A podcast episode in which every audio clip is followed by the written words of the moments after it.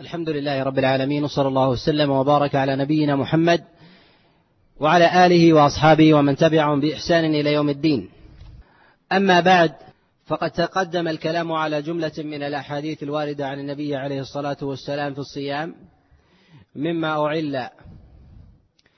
ونورد ما تبقى. وقد تقدم أنه ليس من شرطنا الاستيفاء وإنما هو ما عليه مدار الاستدلال عند العلماء في مسائل الصيام. وتقدم الكلام على أنه يجب الإمساك عند طلوع الفجر وأن تناول الطعام بعد سماع الأذان والأذن والإذن في ذلك لا يثبت عن رسول الله صلى الله عليه وسلم. وما جاء فيه من أخبار عنه عليه الصلاة والسلام من حديث أبي هريرة وحديث جابر بن عبد الله وابن عباس وغيرهم فكلها معلولة. وتقدم أيضا الكلام على أنه لا يثبت عن رسول الله صلى الله عليه وسلم أمر بتبيت النية من الليل وأن حديث عبد الله بن عمر عليه رضوان الله تعالى وحفصة أن الصواب فيه الوقف عند جمهور العلماء خلافا لما ذهب إليه الإمام الدار قطني والبيهقي وما وافقهم من المتأخرين. ولم يثبت عن رسول الله صلى الله عليه وسلم تقييد النية في صيام النافلة بوقت معين وإنما الثابت في ذلك عن بعض الصحابة عليهم رضوان الله تعالى فمتى نوى؟ من أول النهار أو من آخره لا حرج عليه قبل الزوال أو بعده. وروي عن بعض الصحابة أنهم قيدوا ذلك قبل الزوال وهذا مروي عن عبد الله بن عباس وعبد الله بن عمر وعبد الله بن مسعود وأنس بن مالك عليهم رضوان الله تعالى. والرسول صلى الله عليه وسلم حث على التبكير بالإفطار. ولم يثبت عنه بيان فضل معين إلا قوله عليه الصلاة والسلام لا تزال أمتي بخير.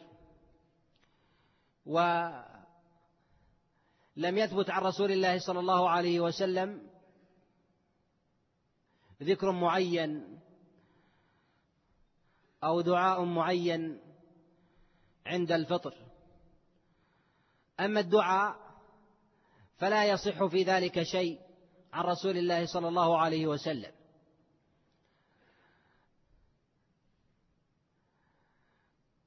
فما جاء فيه أن للصائم عند فطره دعوة لا ترد كل ما جاء في هذا الباب ضعيف أو منكر. والكلام فيه يطول. أما ما جاء من ذكر عن رسول الله صلى الله عليه وسلم وبعضه يتضمن الدعاء فهو معلول أيضا وفيه ما حسنه بعض العلماء. من ذلك ما جاء عن رسول الله صلى الله عليه وسلم كما رواه الطبراني من حديث داود عن شعبة عن ثابت عن أنس بن مالك أن رسول الله صلى الله عليه وسلم كان إذا أفطر قال اللهم لك صمت على رزقك أفطرت فهذا لا يصح في إسناد داود بن الزبرقان وهو متروك الحديث. وجاء أيضا من غير هذا الوجه من حديث عبد الملك بن عنترة عن أبيه عن جده عن عبد الله بن عباس عليه رضوان الله تعالى أن النبي عليه الصلاة والسلام كان يقول عند فطره عند فطره اللهم لك صمنا وعلى رزقك أفطرنا وتقبل منا إنك أنت السميع العليم. وعبد الملك بن عنترة منكر الحديث. وجاء فيه مرسلا بنحوه عند أبي داود في كتاب المراسيل وكذلك رواه البيهقي من حديث حسين عن معاذ ابن زهرة مرسل عن رسول الله صلى الله عليه وسلم. قال البيهقي هذا أحسن شيء جاء في هذا الباب. ولعل أمثل منه ما رواه أبو داود في سننه من حديث الحسين بن واقد عن مروان بن مقفع عن عبد الله بن عمر عليه رضوان الله تعالى أنه قال قال النبي عليه الصلاة والسلام عندما أفطر ذهب الظمأ وابتلت العروق وثبت الأجر إن شاء الله. هذا أمثل شيء جاء ولذا قال الدار قطني عليه رحمة الله تعالى في سننه لما أخرج هذا الخبر تفرد به الحسين بن واقد وهو وهو حسن لا بأس به.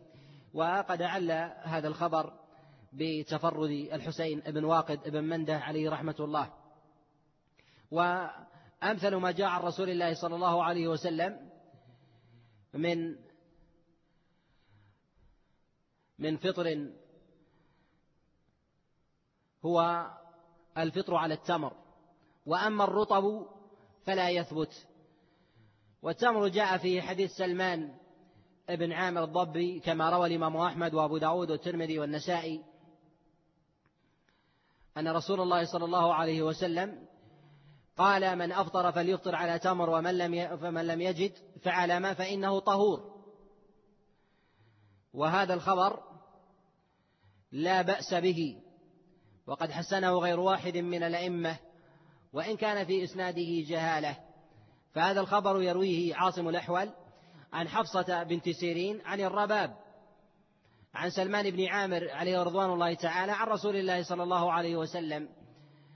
وقد اختلف في روايته عن عاصم الأحول فروي تارة بذكر الرباب بنت صليع أم الرابح وروي بحذفها وقد اختلف فيه على عاصم. فرواه جماعة من الثقات كسفيان الثوري وسفيان بن عيينة وحماد بن زيد وعبد الواحد بن زياد وعبد العزيز المختار وشريك بن عبد الله النخعي ومحمد بن فضيل ومروان بن معاوية وغيرهم. رواه عن عاصم الأحول عن حفصة بنت سيرين عن الرباب عن سلمان بن عامر ورواه شعبة وخالف فيه من رواه عن عاصم فرواه عن عاصم عن حفصة عن سلمان بن عامر ولم يذكر فيه الرباب. واختلف فيه على شعبة بن الحجاج فرواه محمد بن جعفر غندر وآدم عن شعبة بن الحجاج عن عاصم الأحول عن حفصة بنت سيرين عن سلمان بن عامر ولم يذكر فيه الرباب. ورواه الطيالسي عن شعبة بن الحجاج عن عاصم الأحول عن حفصة بنت سيرين عن الرباب عن سلمان. فوافق في رواية الجماعة وهذا الأمثل. ولهذا قال الترمذي عليه رحمة الله تعالى لما أخرج هذا الخبر قال وحديث السفيانين أصح وقد صح هذا الخبر أبو حاتم وغيره. وأما الرباب فإنها امرأة مجهولة وقليلة الحديث. لكن الأئمة عليهم رحمة الله تعالى يقبلون من رواية المجاهيل إذا كانوا من طبقة متقدمة خاصة إذا كانوا من النساء.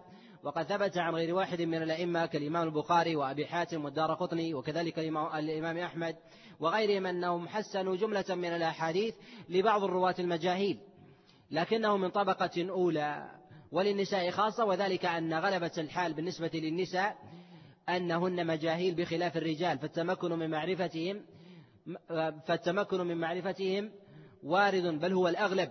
فإذا لم يعرفوا وانفردوا بشيء فإن هذا يدل على النكارة في الأغلب. وأما النساء فبخلاف ذلك. ولهذا يقول الذهبي عليه رحمة الله تعالى في كتاب ميزان الاعتدال لما أراد أن يترجم للنساء قال ولا يعرف في النساء من اتهمت ولا من تركوها. ولهذا يقول الحافظ بن حجر عليه رحمة الله تعالى قال وأكثرهن مجاهيل والضعف فيهن والضعف فيهن قليل. يعني يعني النساء. ولهذا من قرائن قبول رواية المجهول أن يكون امرأة. وأن يكون متقدما وأن لا ينفرد بأصل وأن يكون ما يرويه مما ليس عليه عليه أحكام. وأما البداءة بالرطب فقد جاء عند الترمذي من حديث جعفر بن سليمان عن ثابت عن أنس بن مالك أن رسول الله صلى الله عليه وسلم كان يفطر على رطبات فإن لم يجد على تمرات فإن لم يجد حسى حسوات من ماء. وهذا الحديث قد تفرد به جعفر بن سليمان. وفيه كلام وأمثل فيه حديث سلمان بن عامر عليه رضوان الله تعالى وقد جاء حديث سلمان بن عامر من حديث عبد العزيز بن صهيب عن أنس بن مالك عن رسول الله صلى الله عليه وسلم ولا يصح الصواب فيه أنه من حديث سلمان بن عامر كما رجح ذلك غير واحد من الأئمة كالإمام البخاري وأبي حاتم والإمام, أحمد وغيرهم من الأئمة. وعليه يقال أنه ما جاء عن رسول الله صلى الله عليه وسلم من الإفطار هو الإفطار على تمر وأما الرطب فلا يصح فيه شيء. ولكن يقال أنه في لغة العرب إذا أطلق التمر دخل فيه دخل فيه جميع أنواعه سواء كان رطبا أو غيره. وإذا قيل الرطب فهو التمر ما لم ييبس فإذا بس فإنه يسمى يسمى تمرا.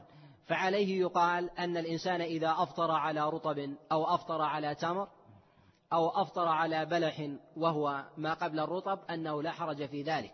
وأنه متبع للسنة. عن رسول الله صلى الله عليه وسلم لعموم قوله أن النبي عليه الصلاة والسلام قال من أفطر فليفطر على على تمر فإن لم يجد فعلى ماء فإنه طهور. وهو داخل وهو داخل في هذا عنه عليه الصلاة والسلام. وقد جاء في تفطير الصائم بجملة من المفطرات أحاديث معلولة منها النص على التفطير بالحجامة. وأمثل ما جاء فيها حديث شداد ابن أوس قد رواه الإمام أحمد وأهل السنن من حديث أبي قلابة عن أبي الأشعث عن شداد بن أوس عن رسول الله صلى الله عليه وسلم أنه قال أفطر الحاجم والمحجوم. وقد رواه خالد الحذا واختلف عليه فيه. فرواه جماعة من أصحابه كسفيان الثوري وكذلك معمر وشعبة وغيرهم عن خالد الحذا به فذكر فيه أبا الشعثة وخالف في ذلك الحارث بن حسين فرواه وأسقط فيها بالشعثة وذكر أبا أسماء الرحبي وخالف فيه. وقد رواه أيوب بن أبي تميم السختياني وذكر فيه أبا الأشعث عن شداد بن أوس عن رسول الله صلى الله عليه وسلم. وقد أعل هذا الخبر جماعة من الأئمة باعتبار الاضطراب في إسناده وقد صحه غير واحد من الحفاظ كالإمام أحمد وكذلك علي بن المديني وابن خزيمة وغيرهم. على أن هذا الخبر صحيح. بل قال الإمام أحمد عليه رحمة الله تعالى هذا أصح شيء أصح شيء جاء في هذا الباب. ولا أعلم أحدا من المتقدمين من أعل حديث شداد إلا يحيى بن معين فإنه فإنه قال لا يصح في هذا الباب شيء.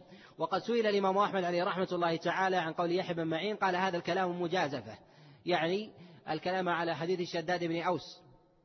وفيه أن الأئمة النقاد وإن كانوا من وإن كانوا من أئمة البصر النافذ في تعليل الأحاديث إلا أنهم يختلف نظرهم يختلف نظرهم في في تصحيح الحديث أو تضعيفه كما هنا بين يحيى بن معين وكذلك الإمام أحمد عليه رحمة الله. وقد جاء عن رسول الله صلى الله عليه وسلم كذلك ما جاء حديث أنس بن مالك عليه رضوان الله تعالى كما رواه الإمام الدار قطني من حديث خالد بن مخلد عن عبد الله بن المثنى عن ثابت عن أنس بن مالك أن جعفر بن أبي طالب احتجم فمر عليه رسول الله صلى الله عليه وسلم فقال أفطر هذان. وهذا الخبر قد تفرد بإخراج الإمام الدار قطني في سننه وهو خبر منكر. وإن كان قد قال الإمام الدار قطني عليه رحمة الله تعالى في سننه هذا حديث رواته ثقات إلا أنه لا يقبل منه ذلك. فلا أعلم أحدا من الأئمة قد صح هذا الخبر. وسائرهم على انتقاده وهو منكر سندا ومتنا. أما من جهة الإسناد فإنه قد تفرد به خالد بن مخلد وكذلك عبد الله بن المثنى. وخالد بن مخلد قال فيه الإمام أحمد عليه رحمة الله تعالى يروي المنكرات أو له منكرات. وأما عبد الله المثنى فكذلك فهو منكر الحديث كما قال عنه الإمام النسائي عليه رحمة الله. وأما النكارة المتنية فإن جعفر بن أبي طالب عليه رضوان الله تعالى قد توفي قبل فتح مكة. والنبي عليه الصلاة والسلام إنما قال ذلك في فتح مكة. وهذا يستحيل. ويعلم أن الإسناد منكر وكذلك وكذلك المتن منكر. وعلى هذه المسألة بنى الإمام أحمد عليه رحمة الله تعالى قوله من أن الحجامة تفطر الصائم والذي عليه الصحابة عليهم رضوان الله تعالى فيما أعلم مما ثبت عن غير واحد كعبد الله كعبد الله بن عمر. وكذلك سعد بن أبي وقاص أنهم يرون أن الحجامة لا تفطر وقد روي عن غير واحد من السلف أنهم يرون أن الحجامة تفطر والذي يظهر أنها لا تفطر. لأنه قد ثبت عند الطحاوي من حديث الناجع عن أبي سعيد الخدري أن رسول الله صلى الله عليه وسلم قد رخص للحجامة رخص بالحجامة والقبلة للصائم. ويدل هذا على أنه كان آخر الأمرين من رسول الله صلى الله عليه وسلم. وهذا إنما قيل بعد وفاة رسول الله صلى الله عليه وسلم. وهذا هذا ظاهر. ومن أكل أو شرب في نهار رمضان ناسيا فقد جاء الخبر في الصحيحين من حديث محمد ابن مرزوق عن محمد بن عبد الله عن محمد بن عمرو عن أبي سلمة عن أبي هريرة أن رسول الله صلى الله عليه وسلم قال من أكل أو شرب ناسيا فإنما أطعمه الله وسقاه. وهذا الحديث قد أعله الدار قطني بتفرد محمد بن مرزوق به وقد تابعه عليه أبو حاتم محمد بن إدريس عن محمد بن عبد الله عن محمد بن عمر عن أبي سلمة عن أبي هريرة عن رسول الله صلى الله عليه وسلم. ومن أكل أو شرب ناسيا فظاهر كلام النبي عليه الصلاة والسلام أن ذلك منة من الله فإنما أطعمه الله وسقاه ولا ينبه على الصحيح. لأن هذا الذي عليه عمل الصحابة عليهم رضوان الله تعالى كما روى الطحاوي في شرح معاني الآثار من حديث عبد الله بن دينار عن عبد الله بن عمر عليه رضوان الله تعالى أنه استسقى وهو صائم فقال قال فقلت له إنك صائم. فقال أراد الله أن يطعمني؟ فحرمتني. وكذلك جاء عن علي بن أبي طالب عليه رضوان الله تعالى وعند العقيلي في كتابه الضعفاء وكذلك أشار إليه الإمام البخاري عليه رحمة الله تعالى في كتابه التاريخ ولا يصح وأمثل ما جاء فيه عن عبد الله بن عمر عليه رضوان الله تعالى ولا أعلم له مخالف من أصحاب رسول الله صلى الله عليه وسلم.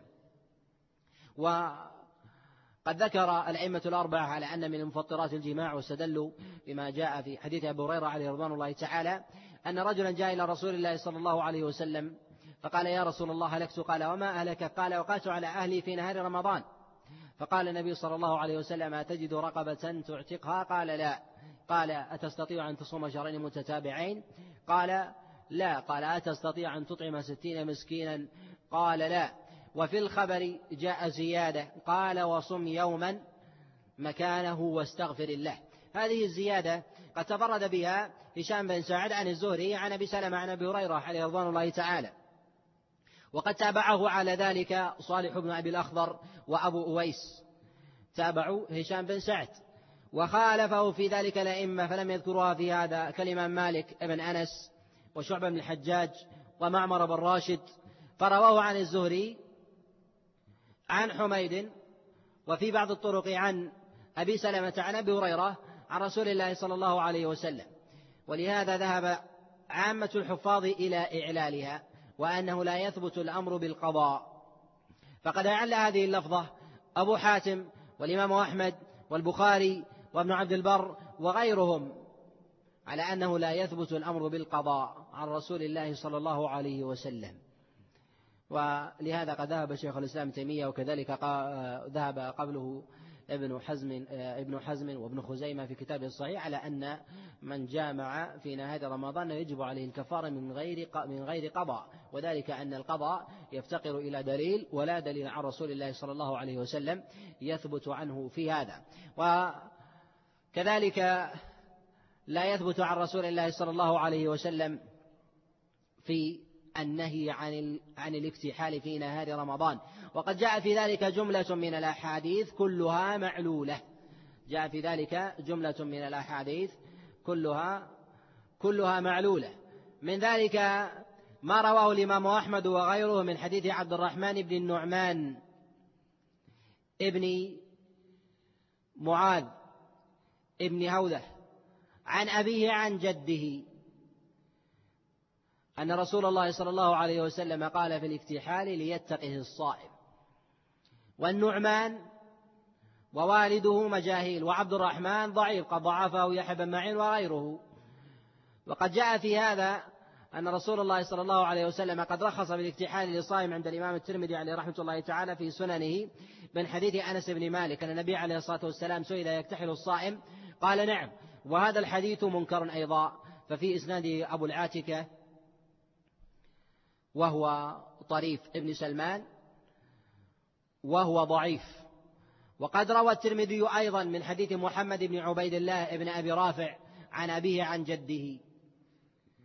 ولا يصح أيضا. فمحمد بن عبيد الله منكر الحديث كما قال ذلك كما قال ذلك أبو حاتم وغيره. وعليه فلا يثبت بالنهي ولا الأمر بالاكتحال في نهار رمضان شيء. ويبقى الأمر على أصله. إن نفد إلى إلى الجوف فإنه يكون مفطر وإن لم يثبت فإنه فإنه باق على أصله. ولا يثبت عن رسول الله صلى الله عليه وسلم في تفطير الصائم من القيء شيء. وقد جاء في هذا حديث أبي هريرة عليه رضوان الله تعالى كما رواه الإمام أحمد وأهل السنن من حديث عيسى بن يونس عن هشام عن محمد بن سيرين عن أبي هريرة أن رسول الله صلى الله عليه وسلم قال من ذرعه القيء يعني غلبه فليس عليه شيء ومن استقاء فليفطر. وهذا الخبر منكر قد أنكره عامة الأئمة من النقاد وغيرهم. قد أعله الإمام البخاري والإمام أحمد والترمذي وأبو حاتم والدار قطني وذلك بتفرد عيسى ابن يونس به عن هشام. يقول الدارمي قال وزعم أهل البصرة أن هشاما قد وهم به. وقال ذلك أيضا إسحاق بن راهويه أن عيسى بن يونس قال قد وهم هشام فيه وبعضهم أعله بتفرد عيسى بن يونس به وهذا الذي عليه أكثر أكثر الحفاظ. ولا يثبت عن أحد من أصحاب رسول الله صلى الله عليه وسلم أنه أمر أنه أمر بقضاء من بقضاء اليوم الذي يستقي فيه الإنسان أو ذرعه القي. وأمثل ما جاء في هذا عن عطاء بن أبي رباح عن أبي هريرة عليه رضوان الله تعالى أنه قال من قاء فليفطر وقد أعله الإمام البخاري وقد روي عن أبي هريرة خلافه أي خلاف المرفوع وخلاف الموقوف. قد جاء عن أبي هريرة عليه رضوان الله تعالى من حديث عمر بن الحكم عن أبي هريرة عليه رضوان الله تعالى قال من من من قاء لا يفطر إنما الفطر مما دخل لا مما يخرج. وقد احتج بهذا الإمام البخاري عليه رحمة الله تعالى وذلك بروايته له بروايته له مجزوما به في كتابه الصحيح. والأئمة عليهم رحمة الله تعالى يعلون الخبر المرفوع إذا كان راويه سواء كان صحابيا أو تابعي قد خالف مرويه بفتواه. كما ثبت هنا عن أبي هريرة عليه رضوان الله تعالى.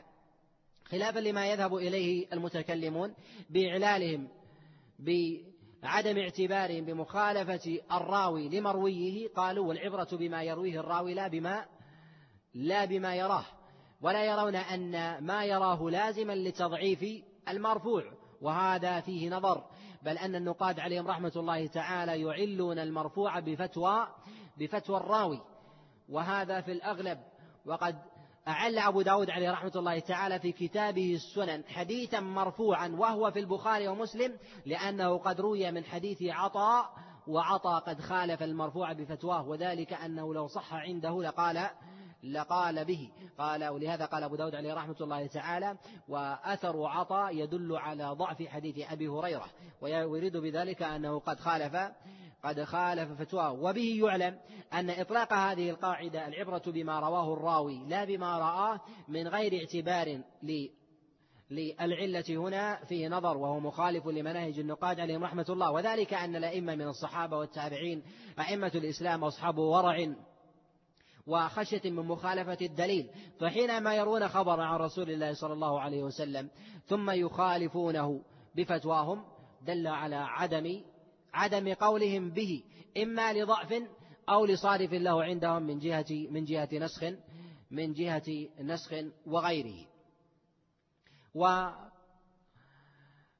شرع رسول الله صلى الله عليه وسلم لأمته في ابتداء الأمر قيام رمضان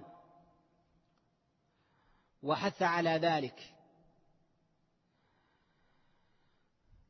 ثم أمسك رسول الله صلى الله عليه وسلم خشية أن يفرض ذلك على أمته وبقي عليه أصحابه عليهم رضوان الله تعالى منفردين حتى جاءت خلافة عمر بن الخطاب عليه رضوان الله تعالى فجمع الناس فقال كلمته المشهورة عنه نعمة البدعة ابتدعها عمر. وهذا أي مسألة القيام وكذلك ما جاء فيه من أحكام لها فيها كثير من المسائل. ولكن ينبغي قبل ذلك أن يقرر أمر وهو أن رسول الله صلى الله عليه وسلم حينما لم يقم بأصحابه قيام رمضان عليه نعلم عليه يعلم أنه لا يكاد يثبت عن رسول الله صلى الله عليه وسلم في أحكام قيام رمضان جماعة شيء. لا من جهة القنوت ولا من جهة رفع اليدين ولا في موضع القنوت ولا من جهة ما يقرأ في صلاة الليل ولا من جهة ختم القرآن في الصلاة وغيرها من المسائل. وإنما الحجة في ذلك والاعتبار هو بما جاء عن أصحاب رسول الله صلى الله عليه وسلم مما يكون عليه دليل ومما مما لا يصعبه الدليل. وينبغي قبل ذلك أن ما جاء عن رسول الله صلى الله عليه وسلم من أخبار في الصحيحين وغيرهما أن من صام رمضان إيمانا واحتسابا غفر له ما تقدم من ذنبه. وفي الخبر الآخر من قام رمضان إيمانا واحتسابا غفر له ما تقدم من ذنبه أن ما جاء في هذا من زيادة وفي غيره من سائر الأخبار وما تأخر زيادة وما تأخر هي منكرة في كل خبر على الإطلاق إلا في وصف النبي عليه الصلاة والسلام. وعليه يقال أن ما وصف أن ما أن ما جاء فيه الوصف لعمل أو لشخص أنه يغفر له ما تقدم من ذنبه وما تأخر غير النبي عليه الصلاة والسلام بأن هذه الزيادة زيادة منكرة موضوعة. وهذا وهذا مضطرد بكل حال بلا استثناء إلا لنبينا محمد صلى الله عليه وسلم. ومن جهة رفع اليدين في القنوت لم يثبت عن رسول الله صلى الله عليه وسلم أنه رفع يديه في قنوت الوتر. بل أنه لم يثبت عن رسول الله صلى الله عليه وسلم أنه قنت أصلا في صلاة في صلاة الليل. بل الثابت عن رسول الله صلى الله عليه وسلم عدم ذلك. ولكن جاء عن أصحاب رسول الله صلى الله عليه وسلم أنهم كانوا يقنتون. ثبت هذا عن غير واحد كأبي بن كعب وعبد الله بن عمر وعبد الله بن عباس وروي القنوت عن عمر بن الخطاب عليه رضوان الله تعالى. جاء منه من حديث أبي رافع عن عمر بن الخطاب وجاء أيضا من حديث عبيد بن عمير عن عمر بن الخطاب وجاء أيضا من حديث أبي عثمان عن عمر بن الخطاب عليه رضوان الله تعالى. وعليه يعلم أن القنوت لم يثبت عن رسول الله صلى الله عليه وسلم وثابت عن الصحابة إن أنهم كانوا يقنتون في النصف الأخير من رمضان. ولا أعلم أحدا من أصحاب رسول الله صلى الله عليه وسلم فضلا عن النبي عليه الصلاة والسلام أنهم قنتوا في النصف الأول من رمضان وهذا هو السنة. وعلى من أما المصلين في رمضان ألا يقنت في كل ليلة وأن يقلل في النصف الأول من رمضان. تمسكا بسنة رسول الله صلى الله عليه وسلم في ذلك. وكذلك الصحابة عليهم رضوان الله تعالى. الثابت عنهم أنهم كانوا يقنتون في النصف الأخير من رمضان. وهذا ثابت عن عبد الله بن مسعود وأبي بن كعب وغيرهم. وأما موضع القنوت فليس فيه خبر يثبت عن رسول الله صلى الله عليه وسلم لعدم ثبوت القنوت عنه أصلا. وقد أنكر الإمام مالك عليه رحمة الله تعالى القنوت في صلاة الليل قال وليس عليه عمل الناس يعني في المدينة. ولكن لثبوته عن أصحاب رسول الله صلى الله عليه وسلم يقال به. وأما رفع اليدين فقد جاء فيه عن عبد الله بن مسعود وأبي هريرة وعبد الله بن عباس وكلها ضعيفة. روى الخطيب البغدادي في كتابه التاريخ عن أبي حاتم الرازي الإمام النقاد قال قال لي أبو زرعة أترفع يديك في الصلاة في القنوت يعني الوتر؟ قال قلت لا. فقلت له أترفع يديك أنت؟ قال نعم.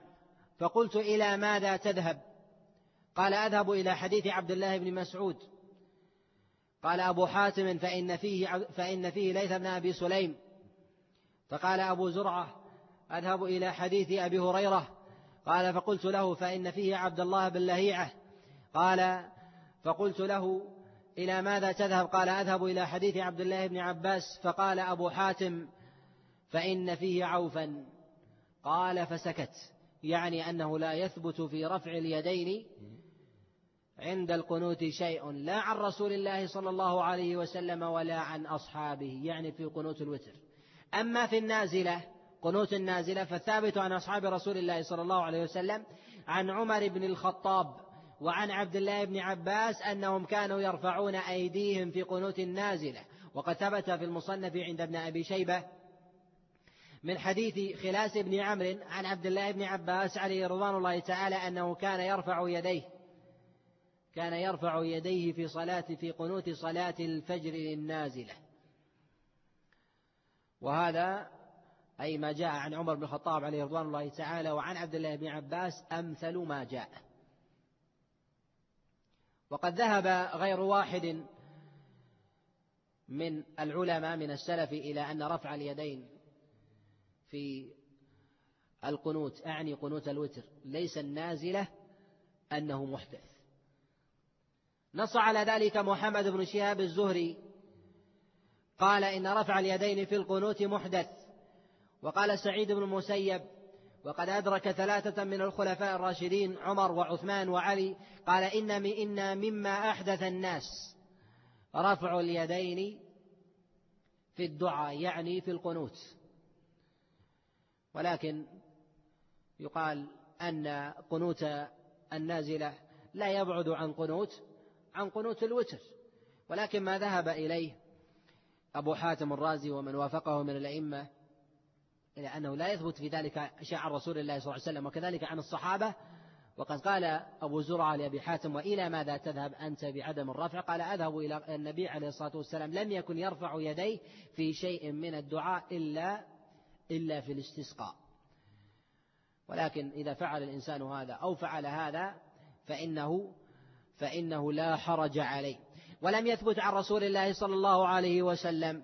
في ختم القرآن في صلاة القيام أو التراويح شيء. ولا كذلك عن أحد من أصحاب رسول الله عليهم رضوان الله تعالى.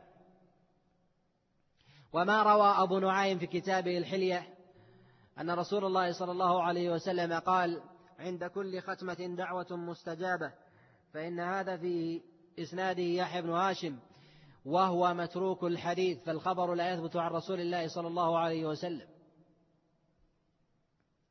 وأما ما يروى عن عثمان بن عفان عليه رضوان الله تعالى فليس له إسناد فليس له إسناد يعتمد عليه. وعليه يقال أن النبي عليه الصلاة والسلام كان جبريل يأتيه ويدارسه القرآن يعني كاملا في رمضان. وهذا يدل على أن رسول الله صلى الله عليه وسلم يأتي على القرآن كاملا ولكن مسألتنا هنا في في قيام في ختم القرآن في الصلاة. ولهذا قال الإمام مالك عليه رحمة الله كما نقله عنه بعض الفقهاء من المالكية في العتبية قال الختم ليس سنة للقيام الختم ليس سنة للقيام يعني أنه لم يثبت عن رسول الله صلى الله عليه وسلم ولا عن أحد من أصحابه ولا عن أحد من أصحابه. وعليه لو ختم الإنسان من غير قصد فإنه لا لا شيء عليه. وإن قصد الاتباع فيقال أنه لم يثبت عن رسول الله صلى الله عليه وسلم في ذلك والأولى عدم القصد. وإنما يقرأ الإمام ويقرأ الإمام ويطيل في صلاته فإن ختم فحسن وإلا وإلا فلا حرج في ذلك. ولهذا الإمام أحمد عليه رحمة الله تعالى سئل عن ذلك قال إلى ماذا تذهب يعني في ختم القرآن؟ قال كان أهل مكة يفعلونه وكان معهم سفيان بن عيينة. ولو كان عند الإمام أحمد عليه رحمة الله تعالى دليل يعتمد عليه أعلى مما يعمله أهل مكة وكذلك سفيان عيينة لاعتمد عليه. وما جاء عن عثمان بن عفان فيما نقله العباس ابن عبد العظيم عن عن عثمان بن عفان عليه رضوان الله تعالى في الختم فلا يثبت وليس له إسناد ولا أظنه ولا أظنه يصح يصح عنه عليه رضوان الله تعالى. ولو كان كذلك لنقل عنه واشتهر. ولو كان ثابتا كذلك عند الإمام أحمد عليه رحمة الله تعالى لنقله ونص ونص عليه. ولم يثبت عن رسول الله صلى الله عليه وسلم قدرا معين ولا عن أحد من أصحابه في طول القنوت في رمضان. فالنبي عليه الصلاة والسلام لم يثبت عنه القنوت أصلا والصحابة لم يثبت عنهم في ذلك شيء بقدره. وأعلى ما جاء في ذلك عن إبراهيم النخعي. قال في قدر القنوت قال قدر إذا السماء انشقت والسماء ذات البروج والسماء ذات البروج. وقد سئل الإمام أحمد عليه رحمة الله تعالى عن قول إبراهيم النخعي هذا قال يعجبني أن يزيد يعني يطيل في ذلك. وعليه يعلم أن ما يصنعه كثير من الأئمة من الإطالة بالقنوت نصف ساعة ساعة إلا ربع في بعض في بعض الأحيان أو أربعين دقيقة أن هذا ليس عليه السنة ولا قريب من السنة أيضا. وإنما القنوت هو بقدر إذا السماء انشقت أو والسماء ذات البروج وقدرها هذه نحو من خمس دقائق إلى عشر دقائق. وقال الإمام أحمد يعجبني أن يزيد يعني يزيد يسيرا. 15 دقيقة ونحو ذلك. وما زاد عن ذلك فيما يظهر لي أنه مبالغة وخروج عن مقصد مقصد الدعاء وهو أن يدعو الإنسان بجوامع الكلم ما ثبت عن رسول الله صلى الله عليه وسلم. ولا فرق من جهة من جهة التهيؤ وكذلك التنظف بأيام رمضان كلها ولا يثبت عن رسول الله صلى الله عليه وسلم أنه اغتسل للعشر. وإنما روي هذا عند ابن أبي عاصم عن علي بن أبي طالب وحذيفة بن اليمان ولا يصح عنهم وإنما جاء عن غير واحد من السلف. روي عن أنس بن مالك وفيه نظر. وجاء عن إبراهيم النخعي أنه كان يلبس أحسن ثيابه ويغتسل للعشر إذا دخلت العشر. وجاء هذا أيضا عن ثابت البناني وحميد الطويل أنهما كانا يلبسان أحسن ثيابهما في الليلة التي يتحرى ويغلب الظن على أنها من ليلة القدر. وأما عن رسول الله صلى الله عليه وسلم وعن أصحابه عليهم رضوان الله تعالى فلا يثبت فلا يثبت في ذلك شيء. وكذلك أيضا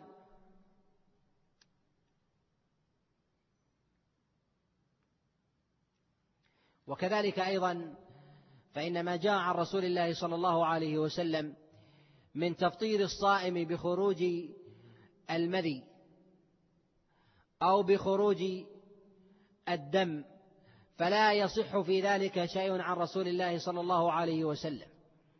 وكل هذا إما واه أو موضوع.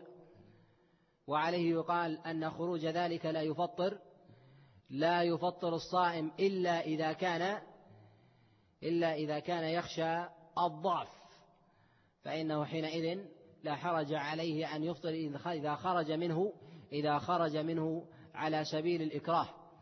وأما في مسائل السواك في نهار رمضان فلم يثبت عن رسول الله صلى الله عليه وسلم فيه نهي. لا في أول النهار ولا في آخره والسواك على السواء في نهار رمضان. وأما ما جاء استاكوا أول النهار ولا تستاكوا آخرة فإنه خبر منكر لا يثبت عن رسول الله صلى الله عليه وسلم وثبت في معناه وكذلك ثبت فيما يخالفه عن رسول الله صلى الله عليه وسلم صراحة ولا يصح ولا يصح في هذا شيء عن رسول الله صلى الله عليه وسلم. ومن ذلك أيضا أنه لا يثبت عن رسول الله صلى الله عليه وسلم الحرص على شيء من أعمال البر بذاتها سوى الصلاة وقراءة القرآن وإنما جاء الفضل على وجه العموم على وجه العموم بأعمال البر. وهذا ما يتعلق في مسائل مسائل صيام رمضان.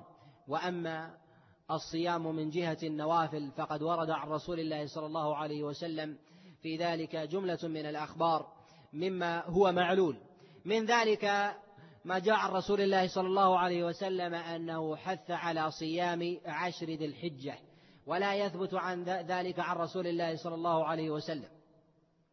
فقد روى الإمام أحمد وأبو داود وغيرهما من حديث هنيدة ابن خالد. جاء في رواية عن أمه وجاء في رواية عن زوجته. وهنيدة مجهول لأن النبي عليه الصلاة والسلام كان يصوم كان يصوم العشر وهذا الخبر لا يصح عن رسول الله صلى الله عليه وسلم. وقد جاء عند الترمذي في سننه من حديث مسعود بن واصل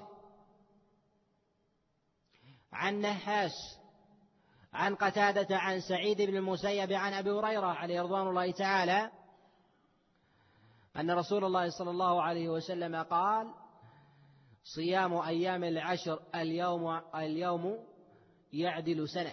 وهو خبر منكر رواية قتادة عن سعيد بن المسيب منكر كما نص على ذلك الإمام أحمد وكذلك الورديجي وغيرهما. وأما ما جاء في صحيح الإمام مسلم من حديث عائشة عليه رضوان الله تعالى ما رواه من حديث الأعمش عن إبراهيم النخعي عن الأسود عن عائشة أن رسول الله صلى الله عليه وسلم ما صام العشر قط. حديث رواه الإمام مسلم لكن قد أعله الدار قطني بالإرسال. فرواه سفيان الثوري عن الأعمش عن إبراهيم عن الأسود, عن الأسود مرسلا. ورواه سفيان الثوري عن الأعمش عن إبراهيم مرسلا من غير ذكر الأسود. ومال إلى تصويب الإرسال. الإمام الدار قطني عليه رحمة الله تعالى. وأكثر أصحاب الأعمش يقولونه عن إبراهيم عن الأسود عن عائشة عليه رضوان الله تعالى. وهذا أصح. لكن يقال أن رسول الله صلى الله عليه وسلم وإن لم يثبت عنه أنه صام إلا أن صيام العشر سنة بالاتفاق. ويستثنى من ذلك اليوم العاشر وهو العيد. فإنه لا يصام. والغريب أن بعض المتفقهة وبعض أنصاف أنصاف المتعلمة من يقول أن صيام العشر ليس بسنة. وذلك أنه لم يثبت عن رسول الله صلى الله عليه وسلم. النبي عليه الصلاة والسلام يقول كما في الصحيحين ما من أيام العمل فيهن أعظم وأحب إلى الله من أيام العشر يعني عشر ذي الحجة. وهذا على وجه العموم. في أي عمل من أعمال البر. بل أن صيام العشر مستحب باتفاق العلماء. حكى اتفاق العلماء ابن مفلح. وهو قول واحد في مذهب الإمام أحمد كما نص عليه المرداوي في كتاب الإنصاف. قال وبالإجماع. يعني يستحب صيام العشر. وقد ثبت ذلك عن أبي هريرة عليه رضوان الله تعالى كما جاء في المصنف من حديث عبد الله بن نوهب عن أبي هريرة أنه سئل عن رجل يكون عليه قضاء من رمضان أيصومها أيصوم العشر يعني قبلها؟ قال يقضي ما كان عليه من قضاء ثم ثم يصوم. وهذا يدل على أنهم كانوا يصومون العشر. كذلك عن سعيد بن مسيب وقد علقه الإمام البخاري في الصحيح وقد جاء هذا أيضا عن إبراهيم النخعي وسعيد بن جبير كما رواه ابن أبي شيبة وغيره من حديث حماد عنهما بإسناد بإسناد صحيح. وهذا الذي عليه الأئمة عليهم رحمة الله تعالى من محدثنا وغيرهم وقد ترجموا على ذلك. وقد ترجم أبو داود في كتابه السنن فقال, فقال باب صوم العشر. وترجم لذلك الإمام النسائي وكذلك ابن خزيمة وابن حبان على صيام على صيام العشر ومن قال بعدم الصيام فقد خالف الإجماع. وإنما أوردنا هذا من الكلام على هذه المسألة لأن ثمة من قال أنه لم يثبت عن رسول الله صلى الله عليه وسلم الصيام وعليه ليس من السنة وهذا قول بعيد لا يعول عليه. فعدم الثبوت بخصوص العمل ليس دليل على العدم فقد دل الدليل على على عموم عموم الفضل لسائر الأعمال على وجه العموم فيقال أن ذلك أن ذلك ثابت. وما جاء عن رسول الله صلى الله عليه وسلم من النهي عن صيام يوم عرفة بعرفة فهو خبر منكر قد رواه الإمام أحمد بن السنة من حديث محمد ابن أبي ليلى عن أبيه عن جده. و وهو ضعيف. النبي عليه الصلاة والسلام منع عن صيام يوم عرفة بعرفة لكن جمهور العلماء على المعنى لأنه لأنه يوم دعاء ونشاط وعبادة ولكي لا يستغني الإنسان عن عن إقامة عن إقامة الطاعات. أما فيما عدا ذلك فالخبر ثابت ثابت في الصحيح عن رسول الله صلى الله عليه وسلم يعني صيام صيام يوم عرفة. وأما صيام يوم الخميس فقد جاء في صحيح الإمام مسلم حديث شعبة ابن الحجاج عن غيلان عن عبد الله بن معبد عن أبي قتادة في صيام يوم الاثنين أن رسول الله صلى الله عليه وسلم قال ذلك يوم ولدت فيه وبعثت فيه ويعني يوم الاثنين ف ذكر الخميس فيه غير محفوظ كما نص عليه شعبة ابن الحجاج في صحيح الإمام مسلم وقد مال إلى إعلاله كذلك الإمام مسلم حينما قال قال شعبة يعني الخميس ولا أراه إلا وهما يعني في هذا الخبر. وقد روي صيام يوم الخميس من حديث أبي هريرة عليه رضوان الله تعالى من حديث سهيل بن أبي صالح عن أبيه عن أبي هريرة أن رسول الله صلى الله عليه وسلم قال تعرض الأعمال على الله كل يوم اثنين وخميس وأحب أن يعرض عملي وأنا صائم. هذا خبر مشهور لكن ذكر وأنا أحب أن يعرض عملي وأنا صائم غير محفوظ بل هو شاذ. قد رواه مالك بن أنس ومعمر عن سهيل بن أبي صالح عن أبيه عن أبي هريرة أن رسول الله صلى الله عليه وسلم قال إن الأعمال تعرض على الله كل اثنين وخميس فقط. وأما أحب أن يعرض عملي وأنا صائم فهذا غير محفوظ. ولذلك ما ذكر الإمام مالك عليه رحمة الله تعالى ومن وافقه من الثقات. وقد جاء من حديث حفصة وأنس بن مالك وغير ذلك ولا يصح فيه شيء لكن عليه عمل عمل السلف. عليه عمل السلف. وعدم الثبوت لا يدل على عدم العمل والعمل معتبر. وقد ذكر الخلاف في صيامه الحافظ بن رجب عليه رحمة الله تعالى وذكر أن الجمهور وعامة العلماء على على استحباب صيامه وذهب قلة إلى عدم الاستحباب. ولا حرج على الإنسان أن يتابع صيام يوم الخميس ولو صام كثيرا وترك بعض الأحيان فهو الأولى لعدم ثبوته صراحة عن رسول الله صلى الله عليه وسلم. ولو داوم عليه باعتبار عمل السلف فإنه لا حرج فهو فهو متبع. ولو ترك في بعض الأحيان تأسيا بعدم ثبوته عن رسول الله صلى الله عليه وسلم لا من جهة الفعل ولا من جهة القول فإن هذا فإن هذا حري. حري بالصواب. وأما نهي رسول الله صلى الله عليه وسلم عن صيام يوم السبت بقوله عليه الصلاة والسلام لا تصوموا يوم السبت إلا فيما افترض عليكم فهذا الخبر يرويه ثور بن يزيد عن خالد بن معدان عن عبد الله بن بسر عن الصماء وهذا الخبر خبر منكر ومعلول إسنادا ومتنا نهي رسول الله صلى الله عليه وسلم عن صيام يوم السبت. لا تصوموا يوم السبت إلا فيما افترض عليكم. وإن لم يجد أحدكم إلا لحاء عنبة فليمضغ. هذا الحديث قد وقع في إسناده اضطراب شديد ووهم وغلط. فتارة يقال حديث عبد الله بن مسلم مرفوع عن رسول الله صلى الله عليه وسلم وتارة عن أمه وتارة عن أخته وتارة عن أمته ولهذا أنكره عامة الحفاظ. أنكره الإمام أحمد وأنكره أبو حاتم والترمذي.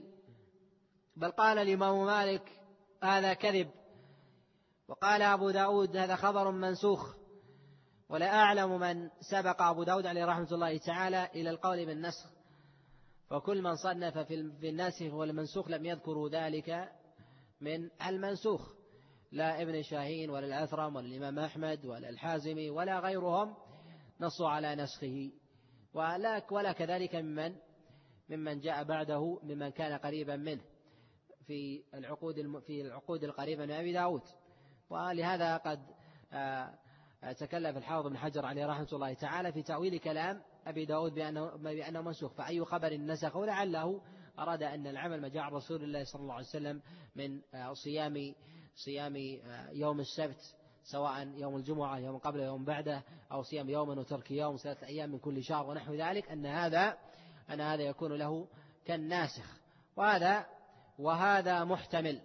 ولهذا يقول الأوزاعي قال لا زلت أكتمه حتى اشتهر. يعني هذا الحديث لعدم ثبوته خشية أن يشتهر بين الناس فيعمل فيعمل به. وأما نكارة المتن فإن ثابت عن رسول الله صلى الله عليه وسلم في أحاديث كثيرة صيام يوم وإفطار يوم وهو خير الصيام صيام داود عليه الصلاة والسلام وقطعا سيصادف سبتا وسيعرض له.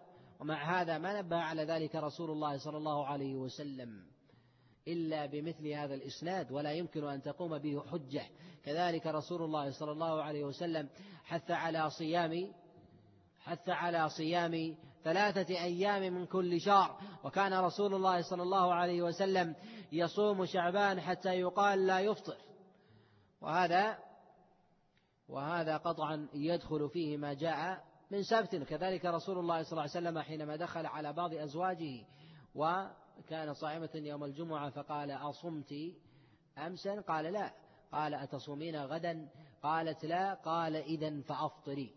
ولا شك أنها تصوم تصوم نافلة. وإن لم يكن نافلة فالنهي هنا عن إفراد الجمعة لا أن يقرن أن يقرن معه قبله بصيام وبعده بصيام الخميس أو أو السبت. وهذا يدل على نكارة على نكارة متنه عن رسول الله صلى الله عليه وسلم.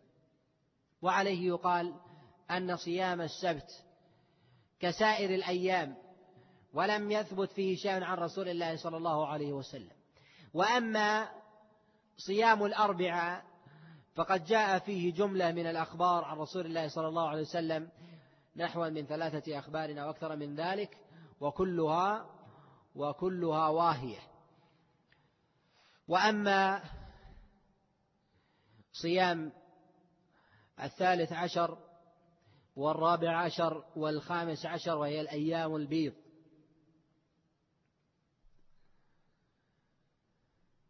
فهذا قد جاء فيه عن رسول الله صلى الله عليه وسلم جملة من الأخبار في في السنن وغيرها ويقال تفصيل ذلك أن صيام ثلاثة أيام من كل من كل شهر ثابت عن رسول الله صلى الله عليه وسلم في الصحيحين. أما تحديدها في الثالث عشر والرابع عشر والخامس عشر فغير محفوظ وإنما هو ثابت عن بعض الصحابة. جزم به الإمام البخاري عليه رحمة الله تعالى فقال باب صيام الأيام البيض. ثم أورد فيه ما جاء عن رسول الله صلى الله عليه وسلم من استحباب صيام ثلاثة أيام من كل شهر فحث على ذلك عليه الصلاة والسلام. وحمل ذلك البخاري على أن المراد بذلك الثالث عشر والرابع عشر والخامس عشر إلا أنه ليس بمحفوظ من جهة الثبوت عن رسول الله صلى الله عليه وسلم بتحديدها بهذه الأيام. فمن صام في أول الشهر أو في أوسطه أو في آخره فقد تحقق فقد تحقق له له الفضل. وأمر رسول الله صلى الله عليه وسلم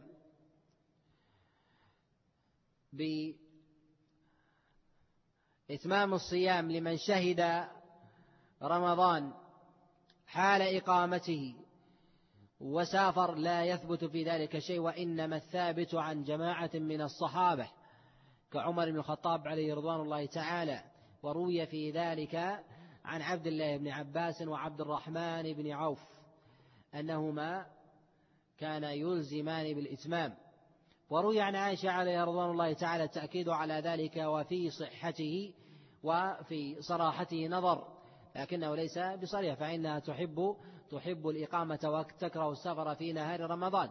وأما عن عمر بن الخطاب عليه رضوان الله تعالى فإنه كان يأمر فإنه كان يأمر بالصيام. وأما من جهة الأمر بالصيام كذلك في السفر لم يثبت عن رسول الله صلى الله عليه وسلم في ذلك شيء وإنما الثابت عن غير واحد من الصحابة. ثبت عن أبي هريرة عليه رضوان الله تعالى وثبت كذلك عن عمر بن الخطاب عليه رضوان الله تعالى بقوله ما أراه إلا واجبا. وكذلك في قصة أبي هريرة عليه رضوان الله تعالى في الرجل الذي الذي لم يفطر لم يفطر حال سفره فقال لو مات ما صليت عليه. وكأنه يميل الوجوب وفي نقل الوجوب بهذا فيه نظر وذلك أنه ليس بصريح فلعله أراد أنه إن مات وأهلك نفسه وقد رخص له الشارع أنه يكون قد قتل نفسه ولا يرخص له في ذلك فيكون قد أثم بقتله لنفسه. فإن الصيام في حال السفر في حال السفر مستحب.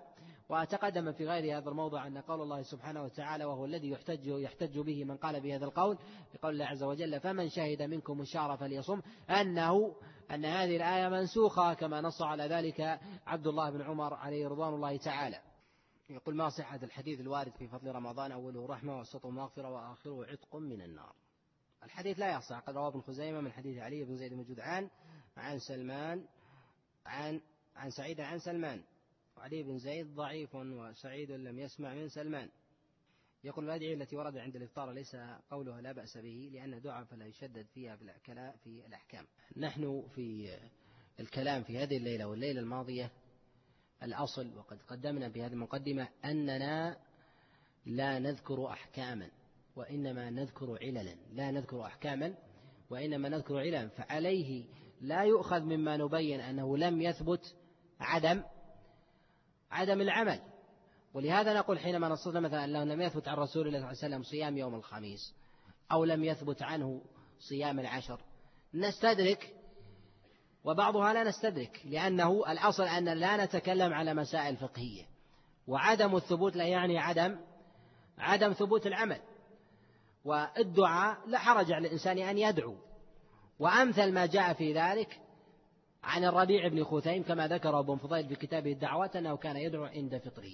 أما مرفوع النبي عليه الصلاة والسلام وموقوف عن الصحابة فلا فلا يثبت. وقد ذكر الحافظ بن كثير آه، في تفسيره عند قول الله عز وجل وإذا سألك عبادي عني فإني قريب أجيب دعوة الداعي إذا دعان. فليستجيبوا لي وليؤمنوا بي لعلهم يرشدون. في قوله جل وعلا وإذا سألك عبادي قال ابن كثير عليه رحمة الله وفي هذا أي ذكر الدعاء بعد أن فرض الله عز وجل الصيام وأمر بالإمساك وهو الصيام ذكر الدعاء يشير إلى أنه عند الإفطار. قال وفي هذا لطيفة على أنه يستحب الدعاء عند الفطر. وهذا استنباط. ولو دعا الإنسان حال فطره لا لا شيء عليه وهو من اغتنام. أيضا مواضع مواضع آه، الرحمة. فإنه يتعبد بالفطر كما أنه يتعبد بالصيام. ويدعو يقول إذا كان في ترك القنوت في النصف الأول في رمضان يحدث إشكالا عند العامة وكذلك رفع اليدين في قنوت الوتر فما العمل والحال كذلك. في مثل هذا أولا تآلف الناس وعدم آه، التشويش عليهم هو الأولى ولكن يقال أنه ينبغي للأئمة أن يفقهوا العامة. لا أن يبقوا على عمل مثل ويكون هذا العمل تعليم. فبقاء الأئمة وتواطؤهم على هذا الشيء هو تعليم ويعيش عليه الناس بل أن هذا يستغرب حتى بعض طلبة العلم.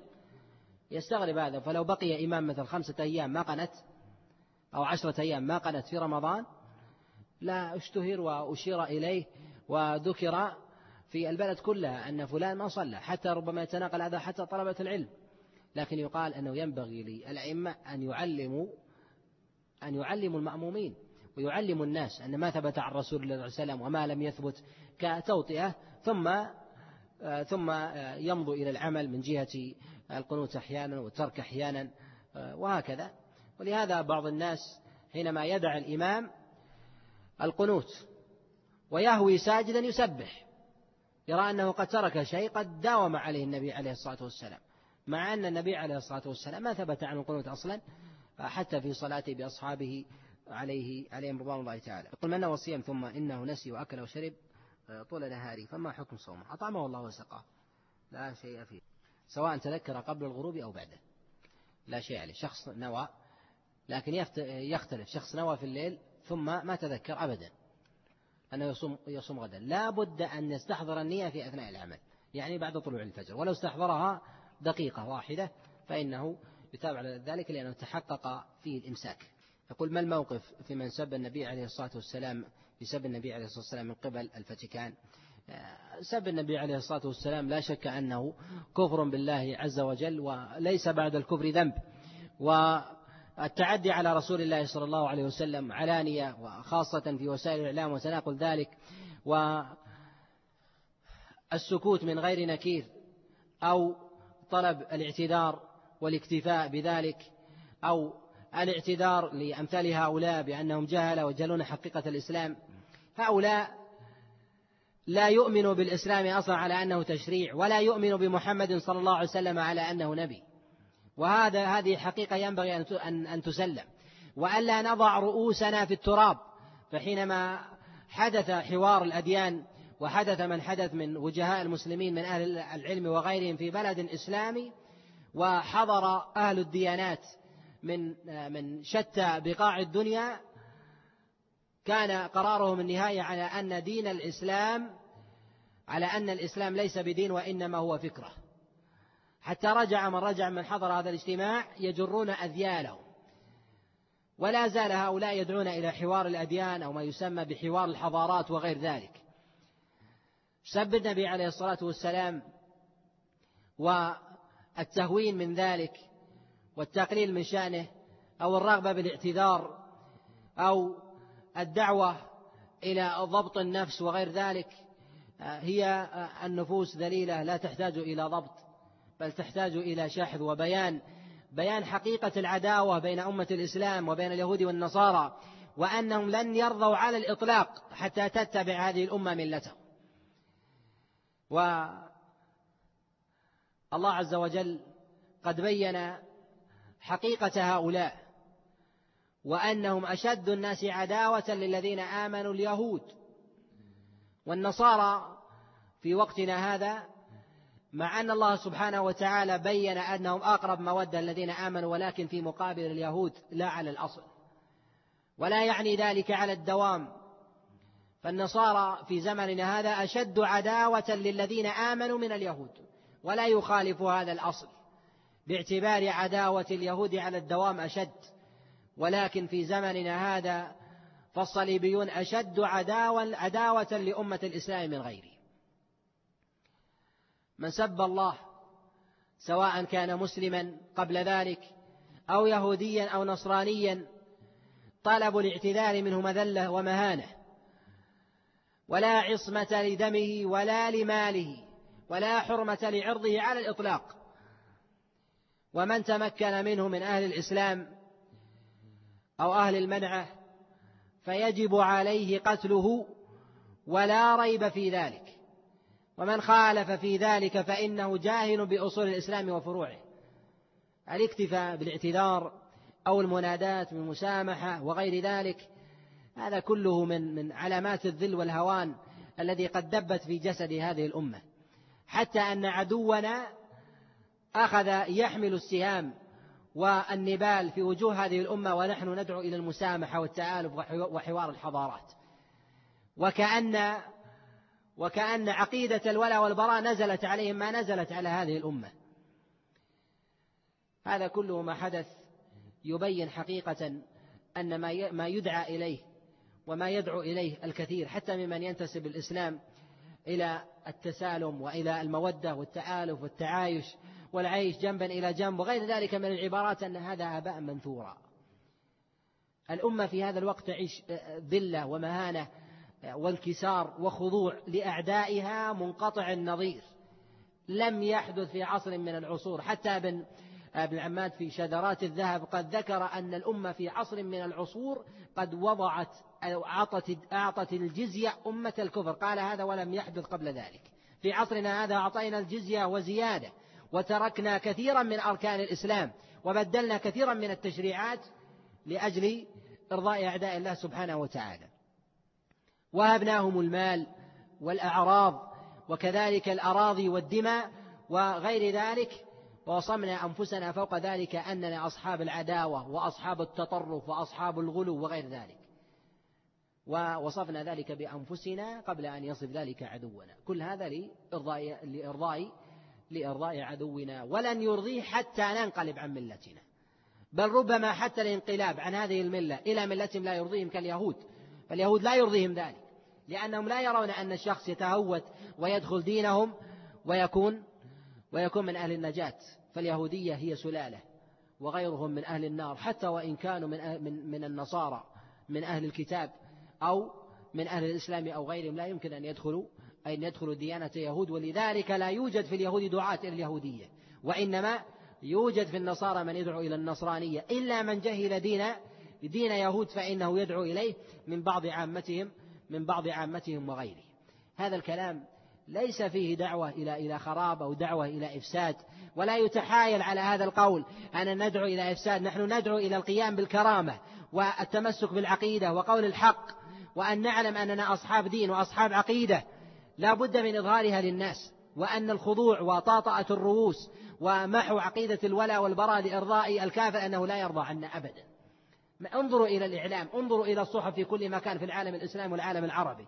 لا يكاد أن ينص على عقيدة الولاء والبراء والمسامحة والإعلام الغربي يكيل بشتى المكاييل بالعداوة للإسلام وبيان تطرفه وبيان عيوبه على شتى المستويات سواء من الساسة أو من علماء الدين أو من المثقفين وغيرهم. وعلى صمت عميم ممن ينتسب للعلم أو من أهل الثقافة من أهل الإسلام. وهم في سكوت تام على سنوات وعقود ماضية ومع ذلك يتهمون الإسلام بشتى أنواع بشتى أنواع التهم. استباحوا الأعراض وتمكنوا من أراضي المسلمين وتمكنوا من أعراضهم ومع ذلك نحن دعاة تطرف ودعاة غلو. وهل بعد ذلك مهانة ثم يتعدى على رسول الله صلى الله عليه وسلم ثم نطالب بالاعتذار أو أو بالاستنكار لهذا القول أو الاعتذار بأن بأن من قال هذا القول أنه يجهل حقيقة الإسلام ونحو ذلك. هؤلاء هؤلاء بعد هذا الانفتاح لا يمكن أن أحد يجهل الإسلام. القرآن في كل مكان وقد ترجمت لغاته إلى كل مكان والحجة قائمة. الله عز وجل يقول النبي عليه الصلاة والسلام وإن أحد من المشركين استجارك فأجره حتى يسمع كلام الله. سمعوا كلام الله عز وجل وقرأوه بلغتهم التي يريدون لكنهم استكبروا على كلام الله سبحانه وتعالى فاستحقوا المقت والصغار واللعنة والطرد والإبعاد من رحمة الله. يقول حديث بكر وابتكر وغسل وغسل ومشى ولم يركب. يقول حديث صحيح قد رواه ابن خزيمة وغيره. من نوى الصيام الليل ثم لما أصبح نسي أنه نوى الصيام ولم يذكر إلا قول المغرب فترة قليلة آه، صيامه صحيح وقد تقدم الإشارة إلى هذا. وهذا يحدث كثيرا. الإنسان يريد الصيام مثل يوم الاثنين والخميس خاصة ممن لم يعتد يداوم على صيام الاثنين والخميس. آه، ينسى ولا يذكر إلا في الليل أنه قد نوى من الليل. يقال أنه لا بد أن تصاحب النية ولو جزء يسير من النهار. فإن صاحبت ولو لدقائق يسيرة أو لساعة من النهار فإن صيامه صحيح ولو أكل وشرب ولم يتذكر إلا إلا من الليل. يقول حديث الحسن في تعليم النبي عليه الصلاة والسلام القنوت له اللهم اهدنا فيمن هديت. ذكر الوتر أو ذكر قنوت الوتر فيه غير محفوظ. ذكر الوتر فيه غير محفوظ. يقول إذا نوى الإنسان وهو صائم أن يفعل معصية آه، آه، تفطر صيامه لكن منعه من ذلك مانع. يبقى على صيامه وعليه بالتوبة فإن الهم قد ورد النبي الصام يوم عرفة بعرفة لا. يقول هل ثبت الرواية بأن أنس بن مالك رضي الله عنه إذا ختم القرآن جمع أهله ودعا؟ نعم.